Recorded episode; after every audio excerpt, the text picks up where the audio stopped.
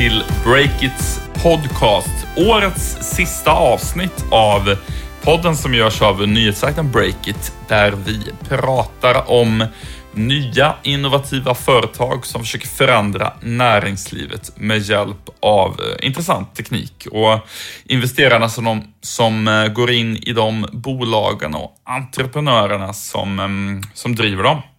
Och med mig, allt som oftast, eh, finns eh, Stefan eh, Lundell.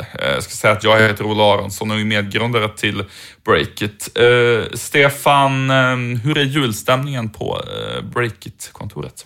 Den är helt okej. Okay. Vi har klätt granen och vi har, det rullar in diverse presenter här, både från ägare och eh, leverantörer. Så det känns bra. Vi ska ha lite, se fram emot en jullunch här också inom kort. Så mycket bra, mycket bra tycker jag.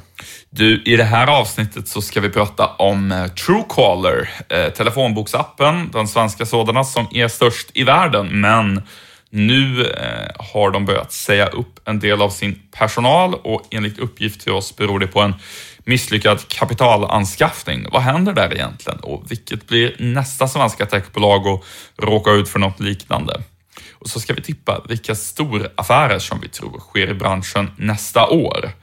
Men först eh, så ska vi prata om krisen i Rocket Internet. Eh, investmentbolaget eh, slash e-handelsinkubatorn, lite beroende på vad man frågar, eh, som ju har den svenska familjen Stenbeck som storägare. Där har det varit en hel del eh, dramatik eh, i veckan. Vad har hänt, Stefan? Ja, det var ju det tyska magasinet som jag inte på, kan påstå att jag läser på daglig basis, men Man Manager Magazine tror jag uttalas ungefär, eh, som rapporterar att det varit en maktstrid där i, i eh, Rocket och deras portföljbolag HelloFresh, som är en kopia på vårt Linas matkassa här i Sverige. Eh, det här tyska magasinet uppger att det var Kristina Stenbeck personligen som stoppade noteringen utav HelloFresh Eh, som vi rapporterade om här för ungefär två, tre veckor sedan. Men vi rapporterade inte om att det var Christian Stenbeck som, som stod bakom det där.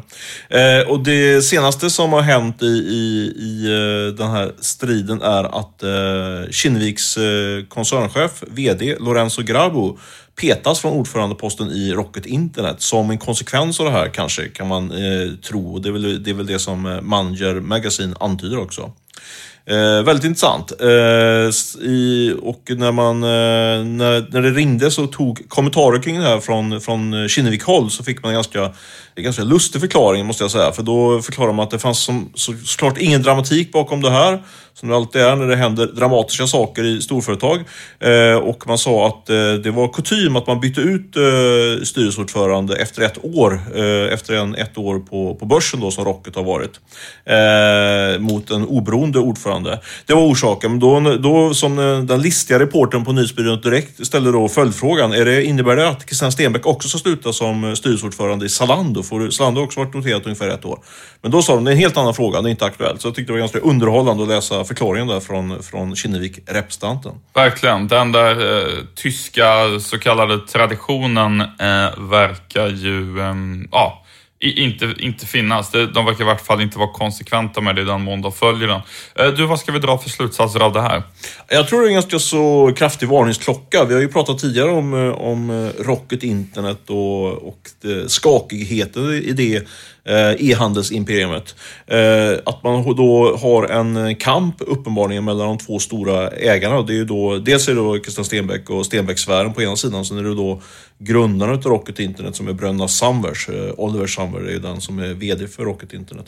Det är väl det sista man behöver när, när det redan från början är ganska skakigt. vi har ju rapporterat tidigare som sagt då, det är ju mest refererat kan vi säga från Financial Times som har, som har grävt en hel del i, i Rocket Internets räkenskaper. Eh, och eh, flaggat för att det finns rätt mycket upplåsta värden i den där eh, koncernen. Så jag tycker att det där är någonting som vi ska följa väldigt noga framöver. Det är också intressant att Christian Stenbeck personligen går in och stoppar börsnoteringen förutsatt att det, att det stämmer de här uppgifterna.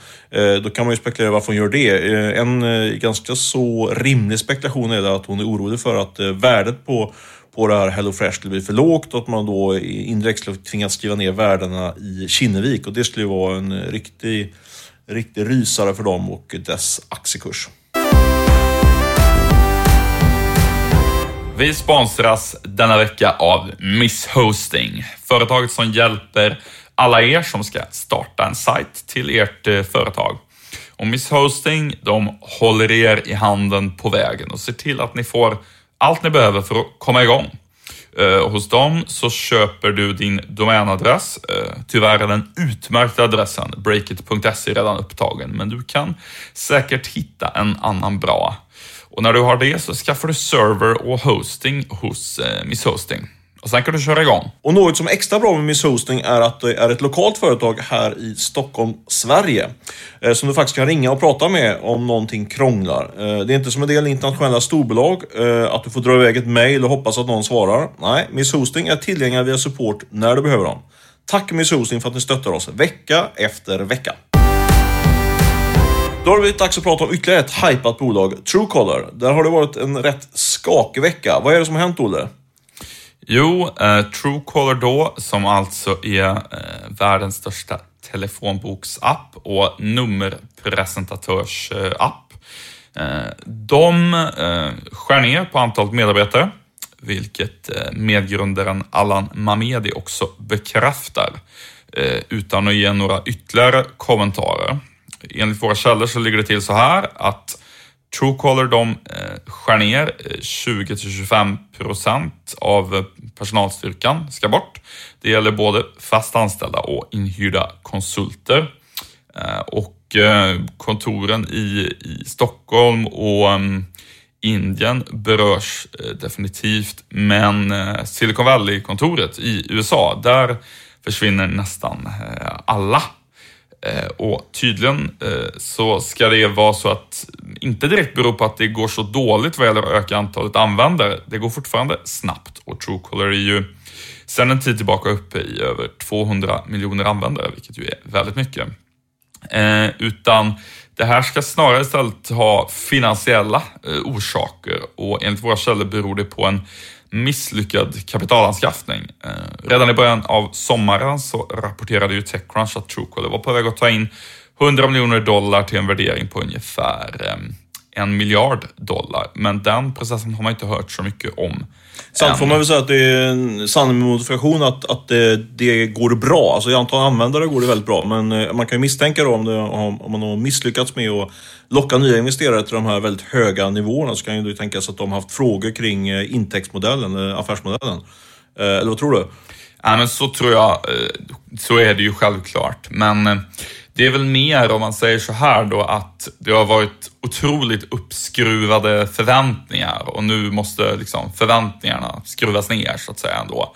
Att, och det är ju klart att det är ett problem för bolaget men om vi säger att alla trodde att det skulle gå um, helt fantastiskt, otroligt, enormt bra så är det nu bara mer att det, ja, det, det, kommer fortsatt gå bra. Och det där är indikation som vi har fått att det varit eh, svårt att få in de här pengarna. Det har jag, tror jag vi har pratat om tidigare här i podden. Eh, vad tror du blir följden då att man då, att man då får skala ner förväntningarna på, på värderingen då i den här nästa runda? För, för det ska ju göras en ny runda antar jag. Ja, eh, det är ju, jag kan säga att det finns liksom flera följdfrågor, flera följdsvar där. För det första så är det så att Truecaller bör enligt eh, vad liksom jag kan uppskatta sett i senaste årsredovisningen, de bör ha 200 miljoner plus kvar i, i kassan. Så att de bör liksom kunna klara sig ett bra tag. Men sannolikheten är ju ändå väldigt hög för att de ska göra en ny riskkapitalrunda. Och, och ja, då, då bör den göras eh, till en lägre värdering och en, en, en, ganska rimlig spekulation av vad som kommer ske då är att grundarna Sen, sen måste jag bara flika in där. inflytande. Ja, ah, sorry jag avbröt, men jag, tänkte, jag, tycker, jag vet att vi har, vi har grottat en del i den där årsredovisningen och eh, det är säkert så som du säger, att de har pengar på kassan, i kassan. Men, men jag tycker ändå man ska flagga för att jag vet att det i, i, andra, i andra stora kapitalresor har varit så att man, man, man går ut och säger att man fått in eh, exempelvis 100 miljoner. Men de där 100 miljonerna är inte så att de får in direkt, utan det, de kommer in successivt efter att man lever upp då till vissa eh, uppsatta mål. Då. Så investeraren kan så att säga hålla inne pengarna. Jag säger inte att det är så i Truecaller-fallet, men jag tror ändå man ska ha en eh, viss reservation där. För det är inte alltid som man ser allting i en, i en offentlig eh, balansräkning så att säga. Mm. Nej, men det är en jättebra poäng tycker jag. Eh, det är väl mer att i det här enskilda fallet har jag inte hittat någonting som stödjer att det är så. Snarare tvärtom. Ja, Och, ja men det, ehm, jag vill vara tydlig med det också. Jag har ju ingen aning om, alltså jag har ingen insyn i det där. Eh, Det har man ju inte per definition. Men jag tycker ändå att det kan vara, ja, lite intressant. Och vi, vi kommer ju följa det här och vi får gräva i våra, våra informella källor för att hålla koll på det där.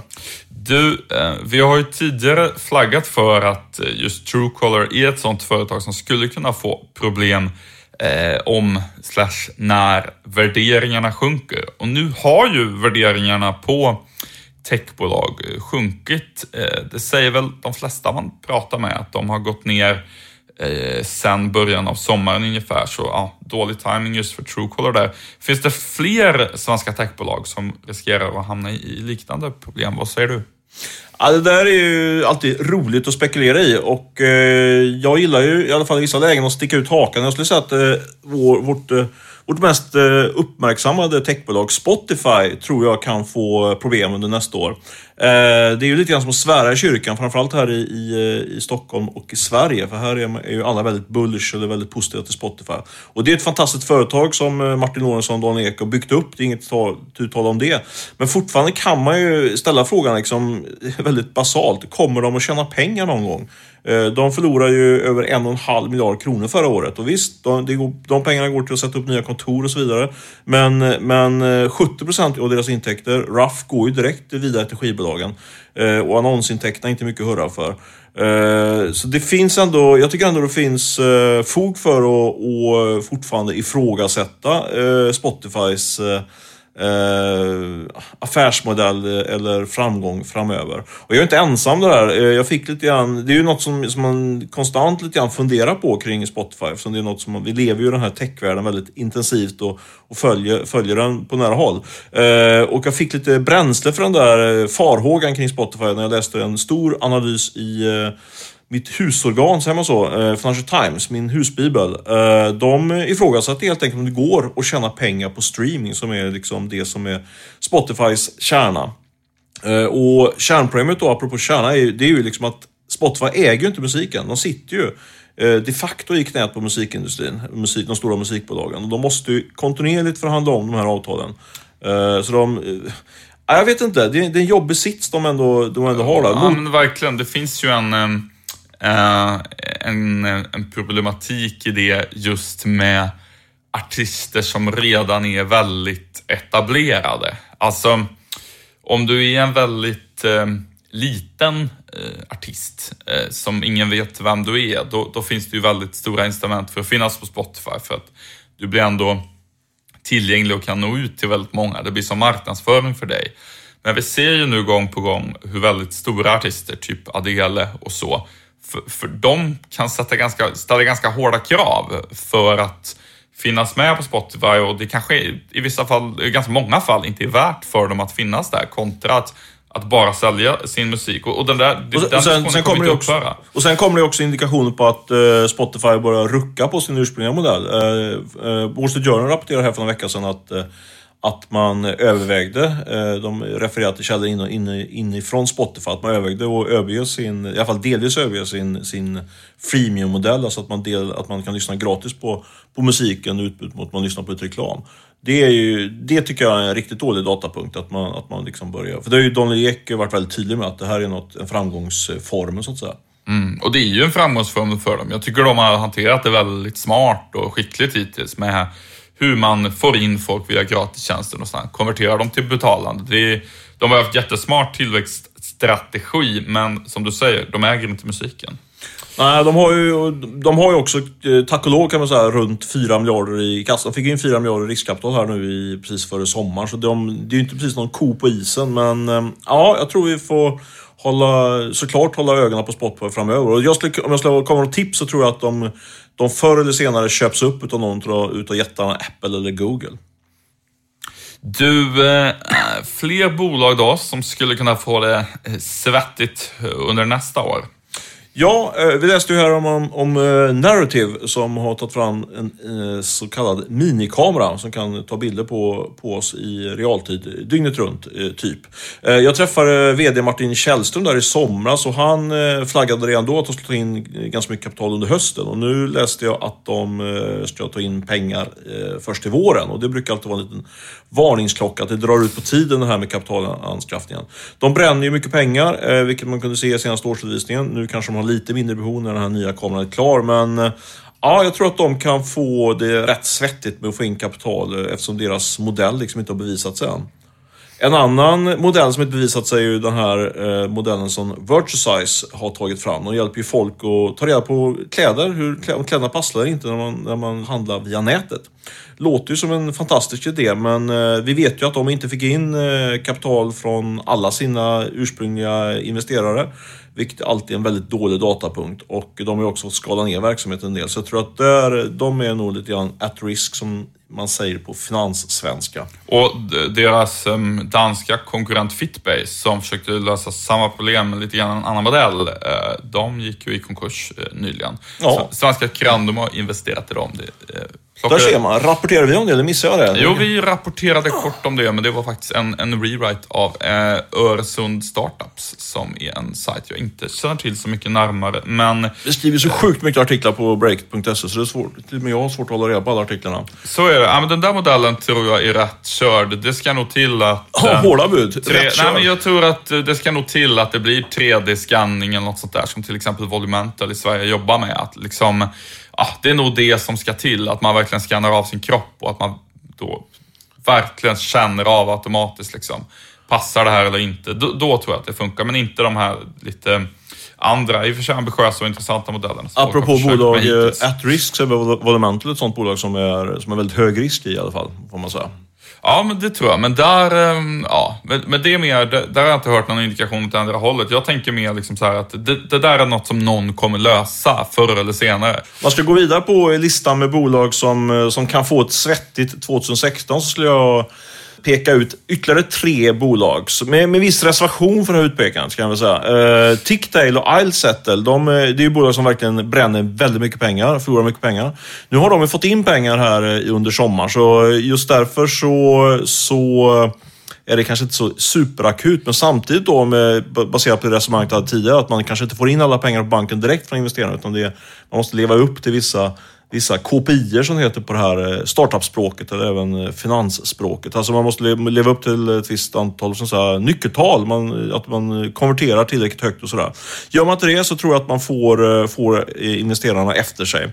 Ett annat bolag som, är, som ska ta in mycket pengar här under våren, enligt mina källor, det är Livesum som är en, vad ska vi kalla den, hälsoappen. Mm. Eh, och de, de har ju börjat eh, dra in en del pengar, eh, har en rätt bra med intäkter. Men när jag pratar med investerare som säger att det ska bli väldigt intressant att se vad, vad värderingarna kommer in på Livesum. Det, det är nog ganska öppet beroende på att eh, värderingarna generellt då har gått ner ganska mycket. Där ska jag väl flika in då lite som fintech-reporter, att jag tycker väl att kanske att iSettle inte riktigt platsar in i den kategorin. Men det är sagt, de bränner jättemycket pengar, men de omsätter ju väldigt mycket mer än Lifesum och enormt mycket mer än vad TickTail Men känner du att de har bevisat så att det, den, den kommer lyfta den i modellen? Ja, iSettle-modellen. Ja. Nej, men det är väl så här upplever jag det ungefär. Att, eh, ja, min bild är, är absolut att det är ändå ett sånt företag som eh, liksom i den, i den, som skulle kunna ställa om till lönsamhet i den mån det liksom uppstod en,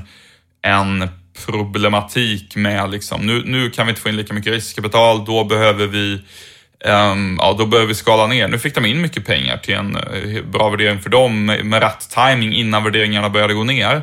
Ehm, men om det är en sämre riskkapitalmarknad nästa år, vilket är väl rätt Så kan de ställa om och, och skala Ja, men ner precis, och så för de, på. de äger men då, men då ändå då, kundrelationen också. då, lär ju inte, då lär ju inte grundarna få ut så mycket pengar. Det är väl det som är problemet. Liksom, att man har, har ju tagit in pengar till väldigt höga värderingar. De har ju preferensaktier och sådär. Så det, är- det är lite olika... Alltså, så här, företagen kommer nog inte gå under. Liksom, utan det är väl mer om det kommer bli, om det kommer bli den här stora succéerna för de som har startat eller inte. Ja, och framförallt tror jag liksom hur lång tid tar det att bygga nästa generations bank? Alltså, om en riskkapitalist som har en horisont på mm, fem år, det, det kanske tar tio år att bygga nästa. Alltså det blir långsammare tillväxt, men bra tillväxt, men liksom inte så här 50 procent per år. Det, jag tror det är mer så det kommer att bli. Lite mer liksom modest utan att bli någon, någon kris så att säga. Och det är klart, då kanske det finns en del ägare i kapitalstrukturen som vill sälja och grundare som inte vill sälja. Det har vi pratat om tidigare, det kan uppstå sådana konflikter. Det kan uppstå, det kan uppstå. Eh, Du, du skrev en kommentar eh, här igår kväll kring eh, Fed-beslutet. Du kopplade det direkt till hur den svenska startup-scenen skulle påverkas. Det tycker jag var intressant. Vad var dina slutsatser? Helt kort så är det att nu när USA höjer räntan, då är det en väldigt tydlig signal om att det här är början till slutet på det här med nollräntor. Och nollräntorna, det har ju inneburit att alla som brukar investera i räntor för att få avkastning på 3-4 procent, de har knuffats ut på aktiemarknaden istället. Och då har det blivit överfullt med pengar där och det har lett till att folk söker sig efter ännu mer riskfyllda aktier än tidigare för att få avkastning, typ startups. Um, och, och ja, allt annat lika så innebär högre räntor eh, att mer pengar går tillbaks till obligationsmarknaden och då blir det lite mindre över till riskfyllda aktieinvesteringar, typ eh, oprövade techbolag. Eh, men, ska jag säga, Eh, det här är ju inte alls bara dåligt för bolag i branschen, utan anledningen till att USA höjer räntan, det är ju att man ser förbättringar i konjunkturen och på arbetsmarknaden. Och det är ju bra för en massa företag som är i lite mer mogna faser. Eh, Spotify, sannolikheten ökar ju att folk eh, med bättre arbetsmarknad vill köpa betalabonnemang på det. Klarna kommer att tjäna mer pengar när deras kunder, det vill säga e-handlarna, säljer mer till folk för att fler har jobb och lönerna kan öka mer och så. så att, ehm, och jag tror också liksom att även om det här kan innebära lite färre investeringar i oprövade startups, så bolag typ H&M och MTG som kan dra in lite mer pengar när konjunkturen går upp, de verkar ju fortsatt peppade på att investera i startups och de har liksom fortfarande torrt krut i sina kassor. De följer ju inte samma logik som riskkapitalfonderna. Så att, eh, mer sådana corp-investeringar nästa år, det tror jag. Tack för den analysen. Det finns hopp även efter att Fed har höjt räntan med 0,25 procentenheter. Stefan, eh, så här i slutet av året så um, ska man ju spå lite grann hur det kommer gå nästa år. Eh, och vi kan väl börja med att eh, spå lite grann för hur det kommer gå för vårt eget företag som vi ju grundade tidigare i år. Breakit. Vad, vad ser du där i din spåkula för 2016? Jo, men eh, vi brukar ju alltid vilja pressa folk på omsättningssiffror och förvärvsplaner och allt sånt där. Och då är folk ibland rätt oävna att svara på den frågan. Men jag eh, försöker vara väldigt transparent i det här. Vi, eh, vår, spå, vår spådom, eller vår prognos för nästa år, som jag brukar säga en hittepå-prognos, men det är i alla fall så vi, vi hoppas på, att vi kommer att göra vinst nästa år och omsätta ett antal miljoner. Ska jag vara helt ärlig så har jag inte huvudet hur många det är, men det blir vinst i alla fall, så det är kul. Vi kommer också anställa eh, ett gäng nya reportrar. Man kan definiera ett gäng till en till två nya reportrar. Det kan ju bli mer på, på höstsäsongen mm, om det, det utvecklas. Det kunna bli. Ja, faktiskt. Sen kanske vi har ett annat förvärv framöver också. Det är mer än du vet kanske, men det är, det är någonting jag ligger och funderar på innan jag somnar på kvällarna. Vad har vi för spådomar om andra bolag i techbranschen, den här underbara branschen vi bevakar? Olle, du kan väl börja så ska jag skjuta iväg några spådomar jag också. Jajamän. Eh, du, ehm, jag tror att eh, Paypal köper Klarna. Ja, det är en liten tung affär. Inte så liten, det den största techaffären på år och dag i Sverige. Mm. Men det tror jag faktiskt. Um, finns inga indikationer om att Klarna ska gå till börsen som det ser ut nu. Det verkar de inte sugna på. Det har ändå funnits i tio år nu många investerare som har varit inne länge, vi ser att de börjar vilja eh, sälja av aktier, en del av dem. Eh, alla grundarna slutar som operativa, utom vdn Sebastian Siemiatkowski som eh, i en intervju på Techcrunch Disrupt-eventet i eh, uh, förra veckan eh, sa att om jag vore VD för Paypal eh, så uh, skulle jag köpa Klarna. Och fick frågan hur mycket pengar skulle du vilja ha för det då? A lot, sa han bara. Mycket alltså. Uh, så han, han blir sannspådd eh, nästa år med andra ord? Det tror jag. Uh, har du någon, uh, någon spådom? Ja, många spådomar. Ja, vi turas om här då. Ja. Din tur. Precis. Eh, vi hänger på på Klarna. Jag skulle säga att Klarna blir det bolag som räddar den svenska medieindustrin under nästa år. Eh, de har ju jobbat länge kring en eh, betalmodell där man i princip kan betala med... Om du rullar på en artikel på en sajt som du tycker är intressant så ska du bara med ett enda klick kunna köpa den för låt säga 50 öre. Och det har jag hört att de håller nu på att rulla ut i, på bred front under första kvartalet nästa år. Det tror jag skulle bli jätteintressant och jag är förvånad över att inte fler har uppmärksammat det i den svenska mediebranschen. Okej, okay, jag hoppar in med en annan fintech-trend och den är bredare. Kort och gott, jag tror att vi bara sett början på hur hett det är just med ny finansiell teknik, i synnerhet i Sverige. Bankerna gör enorma vinster och det sker nu massor av innovation och massa investeringar i fintech. Det här har bara börjat. Eh, jag tror att om jag hade varit eh, ägt bankaktier, då hade jag sålt dem. Eh, nu ska jag vara transparent och säga att jag, jag äger inga bankaktier och har inte kortat några sådana, men det hade jag gjort. Det hade du gjort. Eh, jag eh, kommer med väldigt konkret eh, spådom. Jag säger att riskkapitalbolaget EQT teamar upp ihop med familjen Bonnier och köper Smarta som är en eh, lånetjänst som är ute till försäljning för sådär en miljard kronor. Jag säger att de köper den. De köper också Älskling, eller Elskling, som är en eljämförelsesajt. Och sen så passar de på att köpa, ta hem, plocka in hela Inspanet. Uh, eh, Inspanet äger Bonnier redan eh, till typ 20-25% och de har option på att köpa hela klabbet här inom de närmaste månaderna. Jag tror att de slår ihop de här tre pjäserna och på, på så sätt på allvar utmanar eh, Schibsted inom e-handel och tjänster.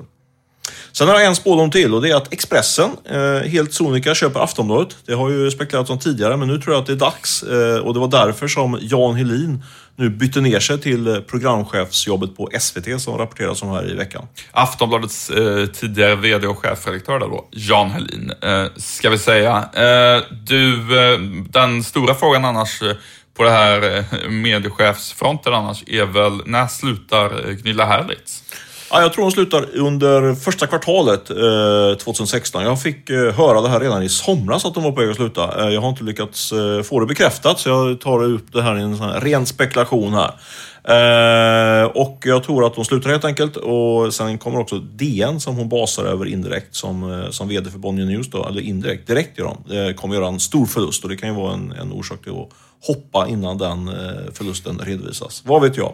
Du hade någonting kring H&M också? Mm, jag tror att de kommer att göra ett par riktigt tunga, eh, stora startup-investeringar nästa år. Eh, bolaget går bra, de har eh, råd att göra det, gå in med liksom 20-30 miljoner i någonting, det är ingenting eh, för dem. Eh, och jag, tror att de kan investera liksom med helt andra grunder än riskkapitalfonder och säga att det här går vi in i nu och så kan vi liksom äga i det i tio år tunga? Alltså de köper några stora etablerade spelare? Nej, nej, utan några oetablerade tror jag. Som de skulle kunna gå in väldigt långsiktigt. Eh, och det skulle till exempel vara intressant att se om de investerar i något, eh, något bolag som verkar inom hållbarhet och tech. H&M är ju väldigt profilerade mot det och det finns en del intressanta innovationer inom det. Det, det, vore, mm, det tror jag kommer hända. Innan vi stänger ner den här spåkulesessionen så ska jag bara meddela att eh, Göteborgsposten, eller Stampen som är ägarbolaget Göteborgsposten, kommer att köpas upp utav riskkapitalbolaget Segula som redan tidigare har gått in i eh, den här gratistidningskoncernen Mitt. Mitt i? Mitt i, jag glömmer alltid fel. Eh, och sen blir det också så att Joakim Berner som tidigare för, ja, för många, många år sedan var chefredaktör både för Expressen och DN, va? han tar över som chefredaktör på GP. Så nu vet du det. Kanon! Fin avslutning tycker jag. Vi ska eh, tacka Beppo ljudproduktion som klippte och spelade in det här på ett eminent sätt. Eh, vi tar nu en eh, paus eh, med podden i två veckor. Eh, vi räknar med att ni har, eh, också har annat att göra på julafton och nyårsafton eh, som eh, om vi hade följt ordinarie inspelningsschema hade varit eh, inspelningsdatum. Ja, framförallt ska du gå in på breakit.se då, för där ligger det nya uppdaterade artiklar under hela julhelgen och nyårshelgen. Det är i alla fall ambitionen. Jag hoppas att vi kommer leva upp till det, men det är, det är ambitionen att vi, vi är en nyhetssajt som, som aldrig sover. Alltid dyker upp nya nyheter. Eh, vi måste också passa på att tacka, tycker jag faktiskt, eh, Miss eh, Hosting som har varit med oss här i nio månader som sponsor, eh, vecka ut och vecka in. Tycker vi superkul att de eh, stödjer det som vi brukar säga oberoende journalistik. Och det är ju inte någonting som vi bara säger, utan det är ju oberoende journalistik. Verkligen. Jag vet inte, har vi några fler vi måste tacka under året för gott samarbete? Nej, jag tycker att det är sjukt tråkigt att höra folk och tacka folk. Men jag tyckte det var på sin plats med, med uh, Miss Hosting faktiskt. Nej, men jag tycker bara att, uh, vad ska vi säga, vi får summera året ändå med att det varit ett väldigt intressant och spännande och utvecklande år både för dig och mig här som entreprenör och vårt första år som entreprenör. Och uh, häng med oss på breaket.se helt enkelt och på den här podden så, så tror jag att ni kommer få en hel del utbyte och nyheter även framöver. Vi tackar för att ni har lyssnat på det här avsnittet och säger med det god jul. God jul!